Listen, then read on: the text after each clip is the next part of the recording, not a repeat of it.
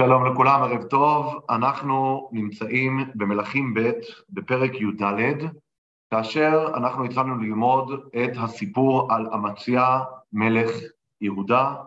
כפי שציינו, אה, לא היה לנו הרבה הזדמנויות בספר מלכים ללמוד על מלכים מממלכת אה, יהודה. אפילו מלכים מאוד משמעותיים כמו יהושפט, הם מקבלים נפח תיאור יחסית קטן בספר מלכים, רוב התיאור עליהם אנחנו למדים מספר דברי הימים, ככה גם בעשה אה, ועוד. אנחנו תמיד יודעים שכשאנחנו רוצים באמת ללמוד על מלך ממלכי יהודה, הכתובת המרכזית היא דווקא ספר דברי הימים, ולא ספר מלכים. למרות זאת, כאן בספר מלכים, אמציה כן מקבל אה, איזשהו נפח תיאור יוצא דופן, וזה דווקא בגלל המערכת היחסים שלו עם ממלכת ישראל, שאנחנו למדנו עליהם. אז אנחנו למעשה אה, למדנו כמה דברים על אמציה. הדבר הראשון למדנו שהוא בעצם ממשיך, אה, בימיו אה, אה, ממשיכים עם ישראל לקטר בבמות, זאת אומרת שהוא מקבל ציון די בינוני, נכון? הוא לא מקבל ציון לשבח. אנחנו כן יודעים שהם מציינים שהוא החליט בסופו של דבר לבוא חשבון ולהעניש את האנשים שהרגו את אביו בחדר משכבו, אבל הכתוב גם מציין לנו שהוא לא המית את הבנים שלהם, ואת בני המכים לא המית ככתוב בספר תורת משה וכולי. אנחנו היום ננסה להגיע ולהרחיב ולעמוד על המשמעות של הציווי הזה והקיום שלו על ידי אמציה. בהמשך אנחנו לומדים שהוא נלחם נגד אדום, והוא אה, הורג עשרת אלפים איש, אה, ומשתלט על איזושהי נקודה אסטרטגית, שזה הסלע, אה, וזה גם אחד מהדברים שאנחנו אה, נרצה להרחיב קצת, מהו הסיפור עם אדום, מהי המשמעות הגיאופוליטית של השתלטות על אדום. אחר כך אנחנו למדים על כך שהוא אה, שולח לאמציה מלאכים והוא אומר לו שהוא רוצה להתראות איתו פנים אל פנים, וכפי שאנחנו רואים בהמשך הפרק, המשמעות של להתראות פנים אל פנים היא מלחמה, ככל הנראה. ואז באמת אמציה שולח לו ואני אקריא לכם את אה, לשון המשל. וישלח יואש אה, מלך ישראל אל אמציה ומלך יהודה לאמור. הכוח אשר בלבנון שלח אל הארץ אשר בלבנון לאמור, תנה את בתך לבני לאישה. ותעבור חיית השדה אשר בלבנון ותרמוס את הכוח. הכה הכית את אדום ונשאך לבך, יכבד ושב בביתך, למה תתגרה ברעה ונפלת אתה ויהודה עמך. ואנחנו שאלנו על נוסח המשל הזה שהוא מאוד מוזר, אנחנו היינו מצפים שהמשל יהיה ככה, הכוח אשר בלבנון שלח אל הארץ אשר בלבנון, הבה ונלחמה. ואז מה, בואו בוא ונילחם. מה כתוב כאן במקום? תנה את בתך לבני, לבני לאישה. ואז באמת ההמשך הוא מאוד, גם מאוד מתאים, ותעבור חיית השדה אשר בלבנון ותרמוס את הכוח. מה, מה, מה קרה פה, ולמה זה חיית השדה שרומסת? למה זה לא הארז שרומס את הכוח? הרי במשל כאן הכוח, שזה באמת עץ נחות, הוא יהודה, והארז אשר בלבנון זה ממלכת ישראל, שיהואש מדבר על עצמו כארז, אז מאוד מוזר מה הסיפור פה, וגם מוזר למה באמת יש כאן איזשהו חיבור בין ההכאה של אדום לבין ההתגרות בממלכת ישראל, ככה זה נראה, הוא אומר לו, הכה הכית את אדום ונשאך ליבך, מה, מה באמת החיבור פה. בסופו של דבר אנחנו למדים שאמציה לא מקשיב והם יוצאים למלחמה, ויהודה מפסידים, ניגפים במלחמה, ובסופו של דבר אה, תופסים את, אה, את אמציהו בשבי, פורצים בחומת ירושלים, לוקחים אה, מבית המקדש את הזהב והכסף והכלים, ובסופו של דבר אמציה בעצמו נאלץ להימלט מירושלים ולחיות את 15 השנים האחרונות שלו בלכיש, כאשר גם שמה אנחנו למדים שבסוף מכים אותו שמה. אמציה במובנים מסוימים משחזר את מה שעבר אביו. אביו, הרי אנחנו יודעים שאביו יואש גם פרצו אליו לירושלים והוא נאלץ לתת, התקרבו לירושלים, הוא נאלץ לתת את כלי המקדש לארם כדי שהם ירדו מעליו, זה למדנו על זה בספר אה, דברי הימים, וגם אה, אנחנו יודעים שהרגו אותו במרידה, אז יש כאן הרבה אה, עניינים אה, דומים, גם ריקון האוצרות בירושלים וגם הרצח הפוליטי של, של שניהם הוא מאוד דומה. זאת אומרת, גורל הבן כגורל האב.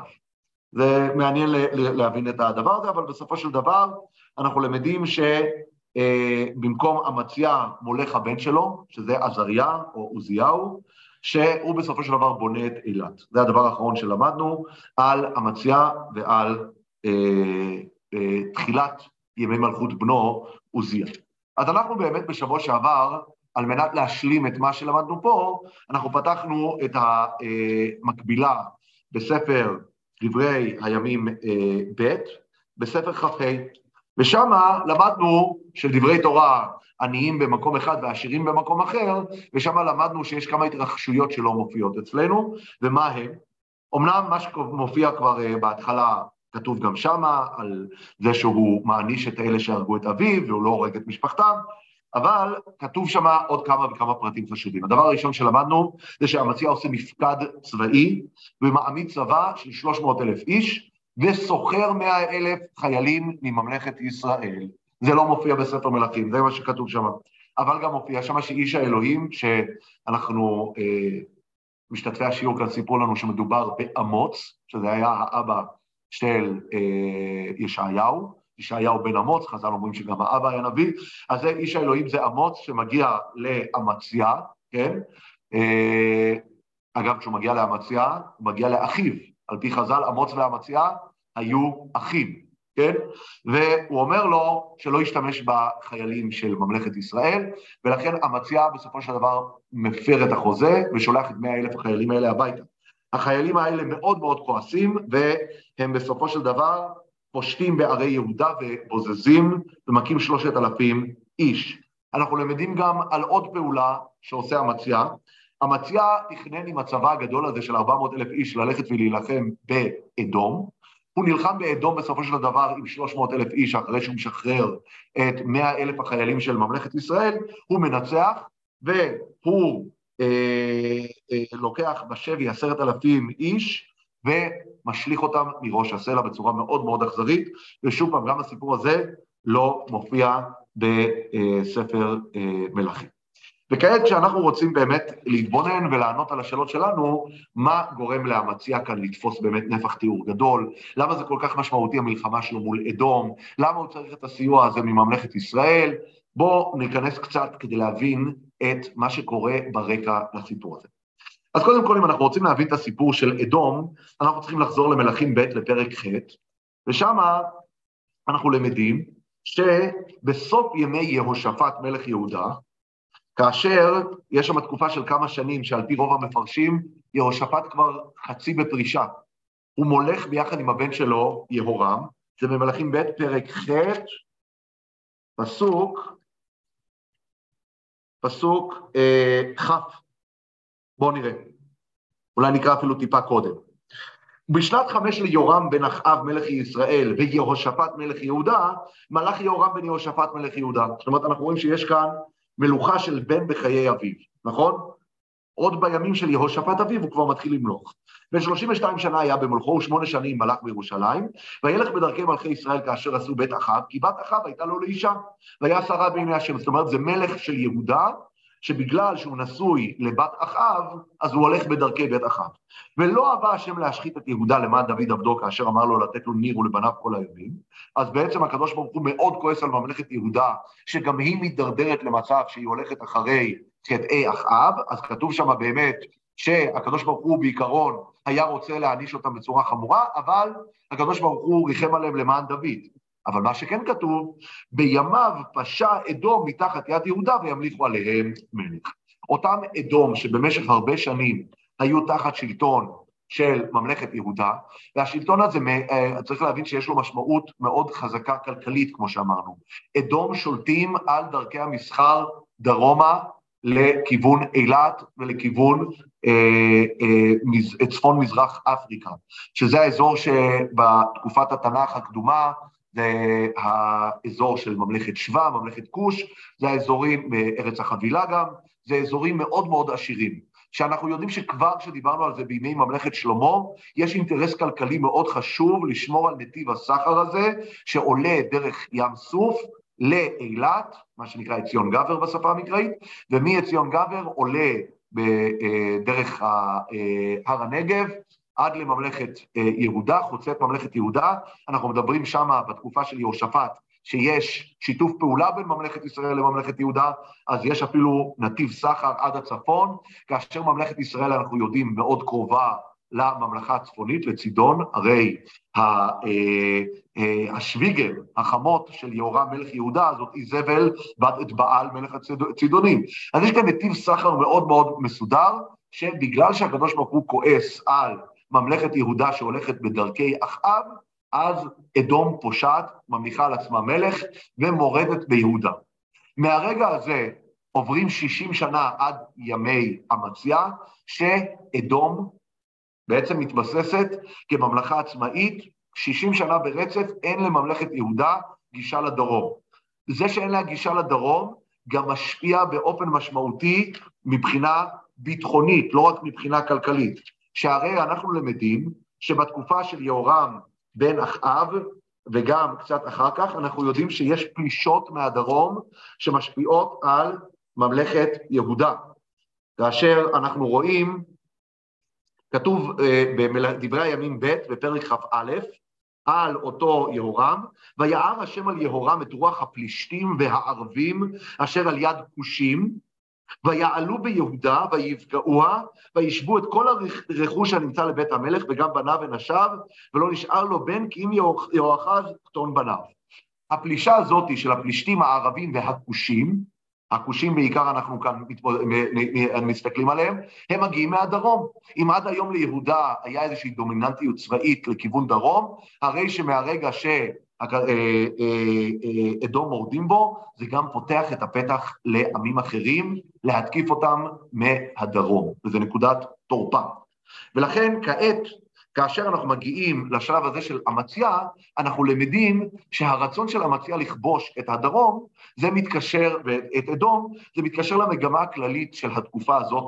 וכשאני מתכוון לתקופה הזאת, אני מדבר על המחצית השנייה של אה, שושלת יהוא בממלכת ישראל. אנחנו הסברנו ששושלת יהוא מתחלקת לשתיים. יש את יהוא ויהואחז שביניהם ממלכת ישראל נמצאת בירידה, וארם דשים אותם וקודשים אותם, לעומת המחצית השנייה, שזה התקופה של יואש וירובעם, שבה באמת ממלכת אה, ישראל עולה לגדולה ומתחילה לנצח את ארם, באותה תקופה גם ממלכת יהודה מתחילה להתגבר ולהתעצם. השיא הגדול אגב יהיה בדור אחרי אמציה ויואש, כאשר יהיה בממלכת ישראל את עוזיהו בן אמציה, שאנחנו למדנו עליו באמת בפסוק האחרון שקראנו כאן אה, בסיפור כאן של אמציה, ובימים של ירובעם השני. בימים, בימים שירובעם השני ועוזיהו מונחים ביהודה, יש עוצמה מטורפת, אנחנו נדבר על הדבר הזה. אז כאן, בימים הללו של יואש ושל אמציה, המגמה באמת מתחילה להשתנות לא רק בממלכת ישראל, אלא גם בממלכת יהודה. עכשיו, כמו שאנחנו הסברנו בשיעור הקודם, הצבא האדיר שהיה בימי יהושפט, שהסברנו, כמו שרואים בדברי הימים ב' אה, בפרק י"ז, יש, יש לו באמת צבא אדיר של מיליון, כמעט מיליון 200 אלף חיילים.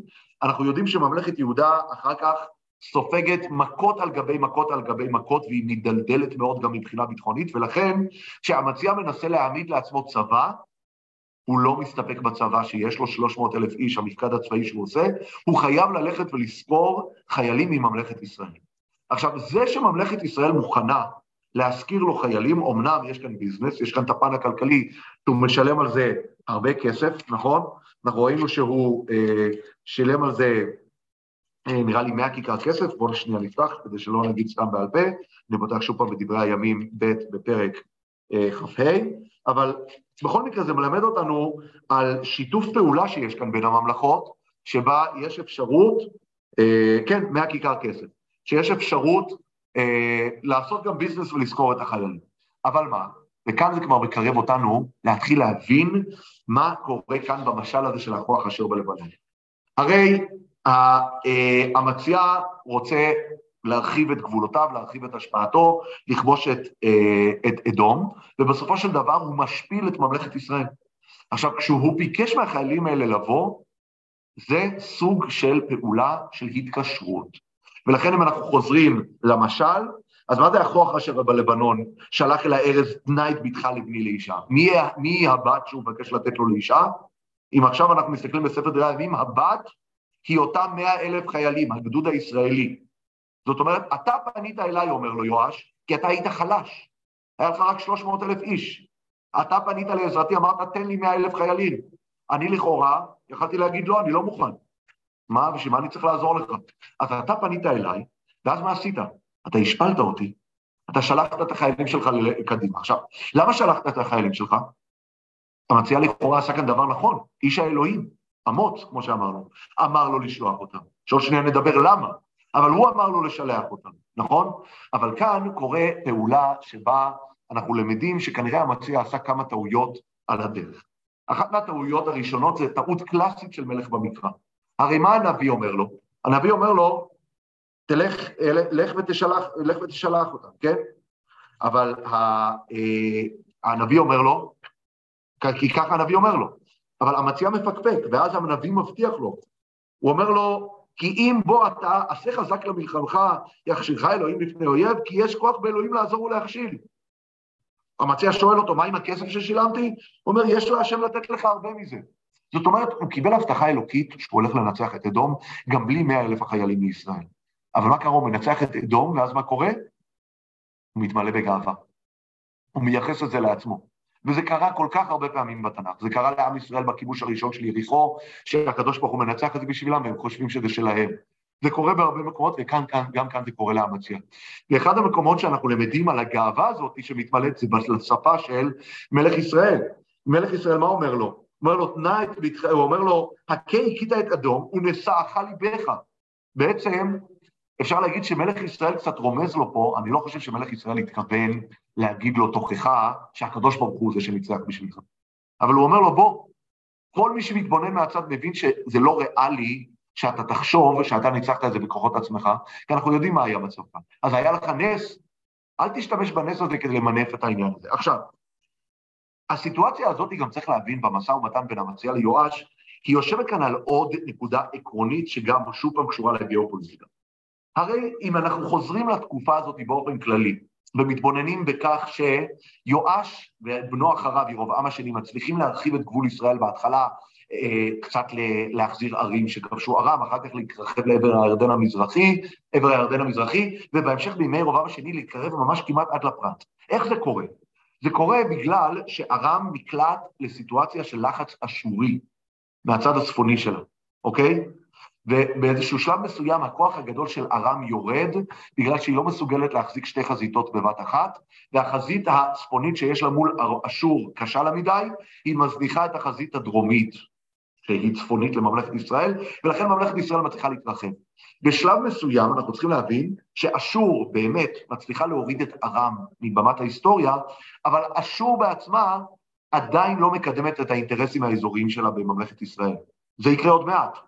זה יקרה עוד כמה דורות וממלכת ישראל תחרב בגלל זה, אבל זה עדיין לא קורה. זאת אומרת שאנחנו נכנסים לתקופה של שקט יחסי ושל חיץ בין ממלכות. חיץ בין ממלכות זה תמיד תקופה של שגשוג. אם נסתכל לדוגמה על מנשה מלך ישראל, מנשה מלך יהודה. מנשה מלך יהודה מולך 52 שנה, זה המלך שמלך הכי הרבה שנים. למה הוא מולך כל כך הרבה שנים ובשקט ובשלווה ובשגשוג? כי ממלכת אשור ירדה וממלכת בבל עדיין לא עלתה. והוא בדיוק מלך שמולך בחיץ ביניהם. אז אין לו את האימפריות העולמיות שמשגעות לו את המוח, והוא יכול להתמקד בענייניו הפנימיים ולא לחשוש על הגבולות שלו. זה בדיוק מה שהולך לקרות עוד רגע לירובעם ולעוזיהו. שניהם מלכים שמולכים המון שנים. 40 שנה כל אחד מהם הולך, הם הולכים בשקט, בלי לחץ, ממש בשגשוג, כן? עכשיו, דווקא בתקופה הזאת של אמציה ושל יואש, שהכוח האזורי של ממלכת ארם מתחיל לרדת, זה התקופה שמתחילים להיות זעזועים פנימיים, והשאלה היא מי הולך לתפוס את הבמה הגדולה. אנחנו יודעים את זה, וזה די ברור לנו, שממלכת ישראל הרבה יותר חזקה מממלכת יהודה. זה כבר כמה דורות זה המצב, עוד מימי אחאב, נכון? אנחנו רואים את זה גם ברור מכך שיש להם מאה אלף חיילים שהם יכולים להשכיר ליהודה. זה, זה כוח, יש לך מאה אלף חיילים, זה אומר מצד אחד שברור שיש לך צבא מספיק גדול שאתה יכול להרשות לעצמך לוותר על מאה חיילים, וזה גם אומר שהממלכה הדרומית יהודה רואה בך מישהו שיכולה אה, להישען עליו. ואמציה רוצה להתבסס גם במרחב. אז כמובן שהמקום הראשון שהוא ינסה להתבסס, להתבסס בו זה דווקא לכיוון דרום, לדאוג לטריטוריות ההיסטוריות שהיו בידיו, להצליח אה, לשחזר אותם אה, אה, ולהחזיר אותם, אבל אחרי שהוא כובש את אדום, הוא יש לו, חשוב לו מאוד לאמציה בתוך הבית, להראות, אני גדול, אני חזק. ולכן הוא פונה כנגד יואש. עכשיו, למה באמת איש האלוהים לא רוצה שהוא ישתמש בחיילים של ממלכת ישראל? נקודה אחת פשוטה שצריך, אפשר, אפשר להצביע עליה שוב פעם, שזה תמיד יש את הפער הרוחני בין ממלכת ישראל לממלכת יהודה. ממלכת ישראל היא ממלכה שאומנם באותה תקופה לא עובדת עבודה זרה כמו שהיה בימי אחאב, אבל עדיין זו ממלכה שיש בה את פולחן העגלים, יש שם אה, עבודה זרה בשיתוף. אמנם ממלכת יהודה בעצמה, כמו שקראנו על אה, אה, אמציה, היא לא במצב הכי מושלם שיש, כמו שכתוב עוד העם מזבחים ומקטרים בבמות, אבל עדיין הקדוש ברוך הוא אומר, המצב הזה של החיבור הוא לא מצב טוב אה, אה, בשלב הזה, אה, חיבור אה, ברמה הצבאית. אה, זה גם כנראה קשור ליחס השלילי של אה, מלכי ישראל למקדש. זאת אומרת, מלכי ישראל, באופן סיסטמטי, אנחנו יודעים, עוד מימי ירובעם, אבל גם כאן בימי יהוא, לא הסכימו שאנשי הממלכה שלהם אה, יגיעו למקדש. אז כנראה זה הסיבות שאיש האלוהים אומר לא לשתף פעולה עם ממלכת ישראל. בסופו של דבר צריך לדעת שגם הנפילה של המציאה מגיעה לא רק בגלל הגאווה שלו, אלא יש כאן גם נקודה שחז"ל מייחסים לזה כחטא, שהוא התנהג בכזאת אכזריות על עם אדום, שהוא הולך ומשליך אותם חיים מהסלע. זאת אומרת, זה כנראה גם אקט שנוגע מהגאווה. תחשבו כמה גאווה צריך כדי ללכת ולהשמיד צבא בצורה ברוטלית כזאת. אתה כנראה לא חושש ואתה מרגיש שאתה יכול לבצע פשעי מלחמה בלי לשלם עליהם שום אה, מחיר. אה, אז זה באמת הנקודה הזאת. הנקודה הבאה שאני רוצה לדבר עליה קצת היא להיכנס לתוך הנושא של משל הכוח. כי אנחנו באמת הסברנו עכשיו את המשל של הכוח הזה, שהצבענו עליו לפי הפשט כמו שמופיע בדברי הימים. הכוח זה ממלכת יהודה, הארז זה ממלכת ישראל, אה, הרצון, ההצעה לנישואין זה הבקשה של ממלכת יהודה לקבל תגבור צבאי מממלכת ישראל, אותו גדוד של מאה אלף איש, ואותה חיית השדה בלבנון שרומסת את הכוח, זה כנראה גם הגדוד, שכבר עשה, ביצע את זממו בממלכת יהודה, כן? שכנראה, אגב, זה גם הטריגר לאותה אה, מלחמת אחים. אני הסברתי שלאמציה יש רצון מאוד חזק לבסס את עצמו במרחב, בתקופה שיש כבר חלל, כי ממלכת ארם מפסיקה ללחוץ ויש כאן שאלה מי הבוס, אבל זה יותר מזה, יש כאן גם נקודה שהמציע רואה מה הגדוד עשה לו, הוא בוזז את ערי יהודה והורג שלושת אלפים איש, והמציע אומר, טוב, אם זה מה שהם עשו לי, אני אלך ואני אעניש אותם. אבל הוא לא מבין את מקומו ואת אה, מעמדו כאן. אז אה, יכול להיות שהגדוד הזה הוא אותו חיית השדה, הוא אומר לו, חיית השדה כבר רמסה אותך, כן? אם אתה תבוא ותתגרה בי, אתה תטעם את מלוא נחת זרועי לא רק מהגדוד של המאה אלף, אלא מכל הצבא האדיר והגדול שיש לממלכת ישראל, כנראה, שהוא כנראה חזק וגדול פי כמה ממה שיש לממלכת יהודה. דווקא מעניין לציין פה שרש"י על המקום אומר משהו אחר, גם הרד"ק אומר. אה, הוא אומר שהמשל אה, הזה, זה, הוא, הוא משתמש באיזשהו משל שהיה מקובל וידוע כבר אה, אה, בעם ישראל, כן? אמ, אמ, זה, אני, אגב, אם אתם זוכרים, גם אצל שאול, כאשר שאול נופל במתנבא, אז אה, מספר, מספר שם הנביא על סוג של משל שהיה מקובל לומר ב, ב, בישראל. גם שאול בנביאים, ושם כתוב, ומי אביהם, כן? אם אתם זוכרים. אז היה כל מיני משלים ומטבעות לשון שהיו מקבלים בעם ישראל. אומר רש"י, זה אחד מהמשלים שהיו קיימים. שזה היה משל קיים. אגב, המשל הזה, מי ששומע את הצליל, מאוד דומה למשל יותם. יותם הבן של אה, אה, גדעון, אחרי שאבימלך משמיד את כל האחים, נכון? אז גם שם הוא משתמש באותם דברים. סתם מעניין לציין, ככלל, צריך לדעת, על הארז בלבנון. ארז בלבנון זה נחשב מלך העצים. הוא מלך העצים. כארז בלבנון ישגה, אה, ראיתי מישהו שכתב מחקר בכלל על הסיפור הזה של הדמות של הארזים, אבל זה מופיע בהמון המון מקומות, גם בשיר השירים. הארז הוא העץ הכי חשוב במקרא. מבחינת החוסן, הגובה, השדרה החזקה שלו, בניין בית המקדש מגיע בגלל זה על ידי הארזים הגדולים האלה. אז אומר כאן אה, אה, רש"י, אני אקריא, הכוח אשר בלבנון שכם בן חמור, זה היה המקור של המשל הזה, שלח אל הארז, שזה יעקב, ותעבור חיית השדה, בני יעקב באו על החללים, אף כאן אתה בא להתמשל אליי, ומשל ביזיון הוא שדימהו לכוח ואת עצמו לארז, וכולי. ואז רש"י אומר, לפי שנתגאית, אף אתה ירמסוך גדודי חילותיי.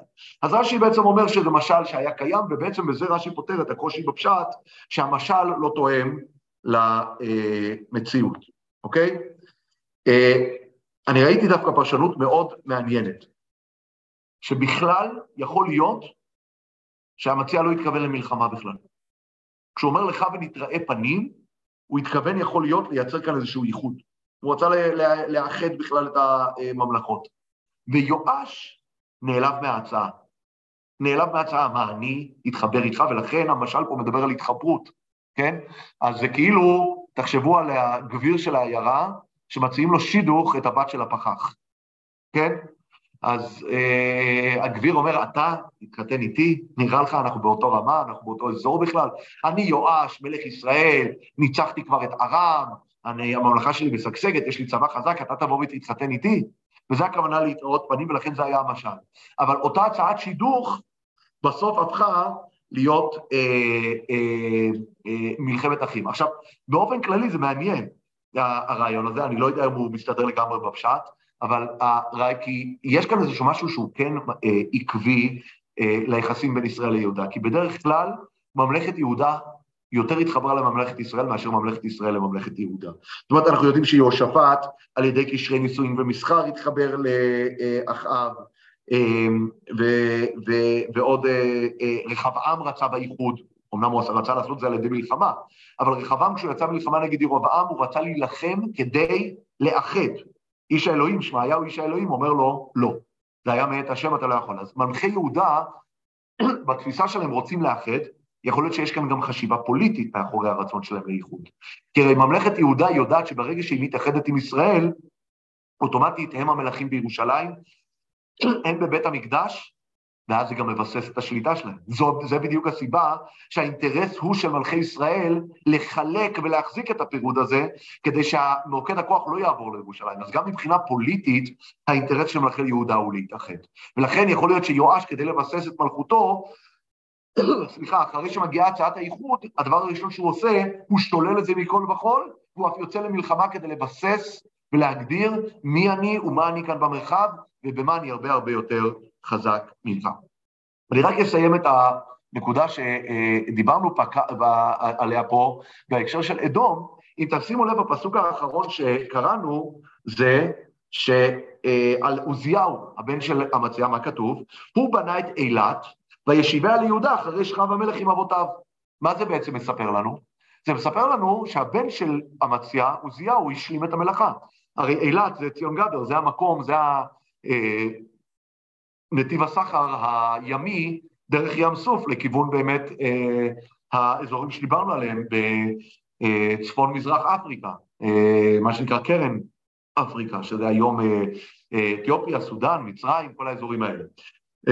ולכן הסיפור הזה שהוא כבש את אילת, בכוונה כתוב כאן כחלק מהסיפור הזה, כי זה השלמה של הפרויקט של אבא שלו המציע. כעת אני רוצה uh, טיפה לדבר איתכם על הסיפור הזה של לא יומתו אבות על בנים, מה שמופיע אצלנו כאחד uh, מהאירועים האירועים של אמציה, אירוע מעניין, שהוא בסופו של דבר הוא העניש את האנשים שהרגו את אביו, אבל את בניהם לא המית, כן? Uh, איפה זה? אני שנייה אחת אה, פותח, אני קורא את זה שוב פעם. הנה, ואת בני המכים לא המית, ככתוב בספר תורת משה, אשר ציווה השם לאמור, לא יומתו אבות על בנים ובנים לא יומתו על אבות, כי אם איש בחטאו יומת. אז דיברנו על זה כבר בשיעור הקודם, נגענו בזה, שהציווי הזה בעצם מופיע בספר דברים. וכבר שמה המפרשים התחבטו במשמעות הציווי הזה. כי באמת הציווי הזה מצוטט כאן כמעט מילה במילה. לא יומתו אבות על בנים ובנים לא יומתו על אבות, איש בחטאו יומתו. אז מה, מה המשמעות של הציווי הזה? אז באמת רש"י שמה כבר מביא את דברי חז"ל, שאומרים ככה, את הפסוק הזה צריך לחלק לשתיים. החלק הראשון שאומר לא יומתו אבות על בנים, הכוונה היא לא יומתו אבות בעדות של בנים. ככה אומרים חז"ל, זה מופיע במסכת שבת גם, לא יומתו אבות על בעדות בנים, ובנים לא יומתו בעדות של אבות. זאת אומרת, זו הוראה לא לקבל עדות מאדם קרוב. למה חז"ל מפרשים את הפירוש הזה? כי מה שיושב אצל חז"ל זה השאלה הבסיסית, מה פתאום שנהרוג בן אדם על חטאים של אביו? זה נראה לא מתקבל על הדעת, ולכן אומרים חז"ל, זה כל כך מופקע מההיגיון להגיד ולצוות לא להרוג בן אדם אחר שלא עשה שום דבר, בגלל שאבא שלו עשה את זה, ולכן הם אומרים, ההוראה הזאת הולכת על הלכות עדות בבית. ממשיכים, והם אומרים, מה זה איש בחטאו יומתו? לכאורה כאן כתוב בפירוש, ציווי, רק להרוג את האיש החוטא, איפה זה קשור להלכות עדות? אומרים, אומרים חז"ל, לא. החלק האחרון בכלל עוסק בשאלת ובתורת הגמול. מה הכוונה? אנחנו יודעים שבתורת הגמול יש לפעמים מקומות שבהם כתוב שמה, שקטנים מתים בעוון אבותיהם, כן? כתוב פה כן אבות אבות על פנים ועל שלשים ועל זה. אומרים חז"ל, כאן הקדוש ברוך הוא צריך לסייג ולומר שרק במקרים יוצאי דופן בנים נענשים בחטאי אבותיהם. שהם מחזיקים בדרך, בדרך אה, אבותיהם, או ילדים קטנים ודברים כאלה, אבל, ככה אומר רש"י, האיש בחטאו יומתו, אבל מי שאינו איש, מת בעוון אביו. הקטנים מתים בעוון אבותם בידי שמיים. כך אומר רש"י, אוקיי? רש"י שם על המקום, בדברים פרק כ"ד, פסוק אה, ט"ז. עכשיו באמת, מה שרש"י אומר כאן זה מאוד קשה ברמת הפשט, לקרוא את הפסוק שם ככה, לא יומתו אבות על בנים ובנים לא יומתו על אבות, זה עוסק בהלכות עדות, איש בחטאו יומתנו זה עוסק בשאלות של איך הקדוש ברוך הוא מעניש אנשים בחטאי אבותיהם. זה מאוד מאוד מוזר הצורה הזאת שרש"י קורא, מה עוד שאנחנו יודעים? שרש"י תמיד אומר, אני לא באתי אה, אלא לפשוטו של מקרא. הנכד של רש"י, הרשב"ם שמה, על המקום, אומר ככה, אומר לא, ובנים לא יומתו על אבות בבית דין. כדכתיב, וכאן הוא מצטט את הפסוקים אצלנו, ואת בני המכים לא העמיד ככתוב, לא ימתו אבות על בנים, ובנים לא ימתו על אבות. הרשב"ם שמה בספר דברים מצטט את הפסוקים שזה עתה למדנו על אמציה. מוסיף הרשב"ם, אבל הקדוש ברוך הוא פוקד עוון אבות על בנים כשאוחזים מעשה אבותיהם בידיהם, אבל לא על ידי בית דין. זאת אומרת, לפי הרשב"ם, הפסוק לא מדבר על לא יומתו בנים בעדות אבותיהם, כמו שאומר רש"י בשם חז"ל, או אבות בעדות הבנים. לא, הוא אומר, אל תהרוג את הילדים כשאבותיהם חטאו. אז הרשב"ם אומנם הרבה יותר נאמן לפשט הפסוק, וזה גם, כמו שהרשב"ם מביא ראייה מהסיפור אצלנו, לכאורה בסיפור אצלנו כתוב שאמציה היה לו הווה אמינא כן להרוג את הילדים, נכון? של אלה שהיכו את אביו. אבל הוא לא הרג אותם בגלל הפסוק, לכאורה לרשב"ם יש ראייה מהסיפור אה, אה, שלנו, שהכוונה היא לא להרוג בבית דין את הבנים של החוטאים. אבל זה לכשעצמו מוזר, למה באמת שנהרוג את הבנים של, ה, של, של החוטאים? אז כאן מגיע הספורנו, שמה, והספורנו אומר דבר שאני חושב שהוא הכי נכון בנוגע לסוגיה הזאת ברמת הפשט. אומר הספורנו ככה, לא יומתו אבות על בנים אפילו על חטא המורד במלכות, שמנהג המלכים להרוג גם את בניהם, שלא יקומו לשונאים למלכות.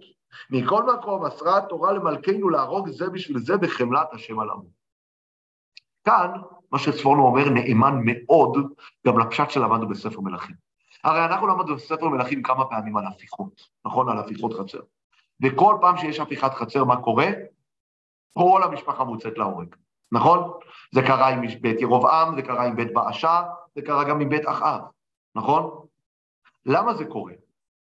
למה זה קורה? אגב, זה קרה עוד פעם אחת שפחות שמים לב אליה. זה קרה עם נבות. איך אני יודע שזה קרה עם נבות? כי אני יודע שכאשר איזבל זוממת לקחת את כרם נבות והיא מסייעת לאחאב בעלה, אחרי שהוא באמת בדיכאון ולא מצליח לקחת כרם נבות, אז היא מעמידה ידי שקר שאומרים אה, ברך אה, נבות אלוהים, נכון? אבל אחר כך, כשאליהו הנביא מגיע להוכיח את, אה, אה, זה אליהו הנביא, אני שנייה צריך לבדוק לרגע התבלבלתי, אני לא יודע אם זה אליהו או יהוא, אבל הוא אומר שראיתי את דמי נבות ודמי בניו. איפה בניו הגיעו לסיפור? עוד שנייה אני אבדוק אם זה אליהו בעצמו או שזה היה יהוא. אבל מי, מאיפה דמי בניו נכנסו לסיפור? פשוט מאוד. הנוהג היה שכשאתה רוצה לעשות פעולה כלשהי מטעם המלך למישהו, אתה חייב להרוג אותו ואת כל משפחתו. למה? כי אם לא, אתה מגדל אופוזיציה מבית. וכשאתה מגדל אופוזיציה מבית, היא תמיד תרדוף אחריך. היא תמיד, תמיד, תמיד תרדוף אחריך.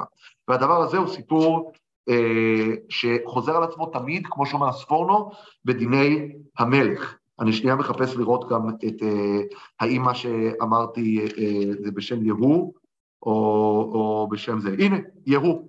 אני קורא לכם אצל יהוא. אם לא את דמי נבות ואת דמי בניו ראיתי אמש נאום השם, ושילמתי לך בחלקה הזאת נאום השם. כשהוא הורג את איזבל זה מה שהוא אומר. דמי נבות ודמי בניו. אגב, במאמר מוסגר, הדבר הזה רק מנכיח לנו את הגדלות של דוד המלך. דוד המלך הרי נכנס למלכות אחרי שאול, נכון? דוד המלך עשה מאמצים כל כך כבירים לא להכרית את משפחת שאול. לא להכרית את משפחת שאול. הוא שומר נאמנות לבני יונתן. את איש מושת בעצמו, הוא כועס כל כך כאשר אה, רחב ובענה הורגים אותו בחדר אה, אה, משכבו, נכון? הסיפור הזה של בני שאול המומתים, אנחנו יודעים איזה מחיר היום אה, משלמים, אה, משלמים עליהם. דוד המלך, דווקא כמי שנכנס כמלך במקום בית שאול, לא מחריט את בית שאול, אוקיי? אבל אנחנו יודעים שמלכים אחרים לא רק שמחריטים, זה לכאורה די מוכר לנו, נכנס מלך חדש, הוא חייב להוציא להורג את כל הטוענים לכתר. אנחנו ראינו גם אצל נבות, זה לא רק טוענים לכתר. כשמלך מעניש, מעניש מישהו לא בתור בית דין של, אה, של ישראל, בתור מישהו שחילל שבת או עבד עבודה זרה, אלא כשהוא מוציא להורג מישהו מדיני המלכות, בתור מישהו שהוא גם מורד במלכות, אתה תמיד מוציא להורג גם את כל המשפחה. זה היה הנוהג המקובל. ולכן אומר הספורנו, שכשהמציע כאן הולך והורג את האלה שהיכו את אביו, הרי ברגע שהוא לא הורג את הילדים, יש לו כאן אופוזיציה מבית, הרי אלה ודאי הרגו, והעונש שלהם זה לא עונש, הוא לא מוציא אותם להורג סתם כדין רוצחים, אלא הוא מוציא אותם להורג מדיני המלוכה, משפט המלוכה, כן? שתמיד צריך לדעת, משפט המלוכה ומשפט ההלכה לצורך העניין, המשפט היהודי הישראלי, הם לא אותו מערכת משפט. הם נבדלים בהמון המון המון דברים, צריך לדעת את זה. וכאן זה בדיני המלוכה, במשפט המלוכה הוא מוציא אותם להורג, וזה שהוא לא הורג אותם יחד, את, את כל המשפחה שלהם, זה כבר סיפור שאומר הספורנו, אני אקריא שוב מה הספורנו אומר, מכל מקום מסרה תורה למלאכינו, הכוונה עם מלכי ישראל, להרוג זה בשביל זה בחמלת השם על עמו. הקדוש ברוך הוא רוצה שנהיה אנשים חומלים, ביישנים אה, רחמנים וגומלי חסדים, לא מוצאים להורג משפחה שלמה על חטא של בן אדם אחד. צריך להוסיף כאן עוד אלמנט מאוד מעניין דווקא בהקשר הזה, וזה קשור לחוקי חמורבי. בחוקי חמורבי כתוב את הדבר הבא, כי יבנה, תקשיבו למילים, זה בתרגום של אה, לבנון, כי יבנה בניי בית לאיש, ולא עשה מלאכתו באמונה, ונפל הבית אשר בנה, והמית את בעל הבית. מות יומת הבנאי הזה. זאת אומרת, אם אתה בנית בית ברשלנות, והבית הזה נפל והרג בן אדם, אז אתה מוצא להורג. ואם את בן בעל הבית המית, את בן הבנאי הזה ימיתו. הדבר הזה אגב חוזר על עצמו בעוד צורות. כאשר אה, כתוב, וזה אין לי כאן את הציטוט, אם בן אדם אונס בת של מישהו, העונש שלו זה שיאנסו את הבת שלו. זה חוקי חמורבי. עכשיו, התפיסה, תפיסת החוק הזו, יש לה כמה משמעויות. קודם כל, יש לה תפיסה כלכלית. כשאתה אה, אה, פוגע אה, בבן של בעל הבית, אתה פוגע בכוח העבודה. אז להרוג אותך זה לא מספיק, אנחנו צריכים כאילו עין תחת עין בצורה פשטנית, גם לקחת לך את אותו כוח עבודה שהיה לך. אם הרגת את הבן שלו, אתה לא מת, הורגים את הבן שלך, אוקיי?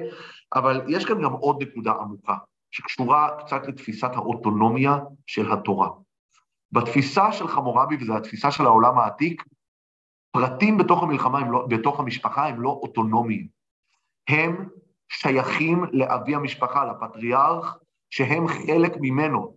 זאת אומרת שכשחמורבי אומר שכשאתה הרגת בן של מישהו, הורגים את הבן שלך, התפיסה שלהם שזה כשהורגים את הבן שלך, זה עונש לך, זה לא עונש לבן שלך. כי הבן שלך לא עומד כאן כאינדיבידואל, כפרט עצמאי, שאני אשאל, רגע, הבן הזה במה הוא חטא? לא, אני לא רואה את הבן כאן כישות עצמאית. הבן הוא נספח של אביו. הבת שלך שנאנסה, כן? עכשיו אונסים את הבת שלך, למה? כי זו הדרך לפגוע בך, הסיפור כאן זה לא הבת שנאנסה, הסיפור כאן זה אבא שאנסו את ביתו. אז אתה גרמת לאבא שביתו תאנס, אז אתה תהיה אבא שאנסו את ביתו. כי הבת לא עומדת כאן כפונקציה אוטונומית בתוך המארג המשפחתי. זה הסיפור של הבנאי, זה הסיפור של האונס. העניין של לא יומתו אבות על בנים, אם אנחנו מתייחסים להקשר הזה של חמורבי, ואנחנו כן חוזרים לפירוש של הרשב"ם, שהרשב"ם אומר זה לא, זה קשור להלכות ביתי. הרי מה, המחלו, מה הם שלושת הפירושים שלמדנו כאן? למדנו שלפי רש"י לא יומתו על אבות על בנים, הכוונה היא לא יומתו אבות בעדות של בנים.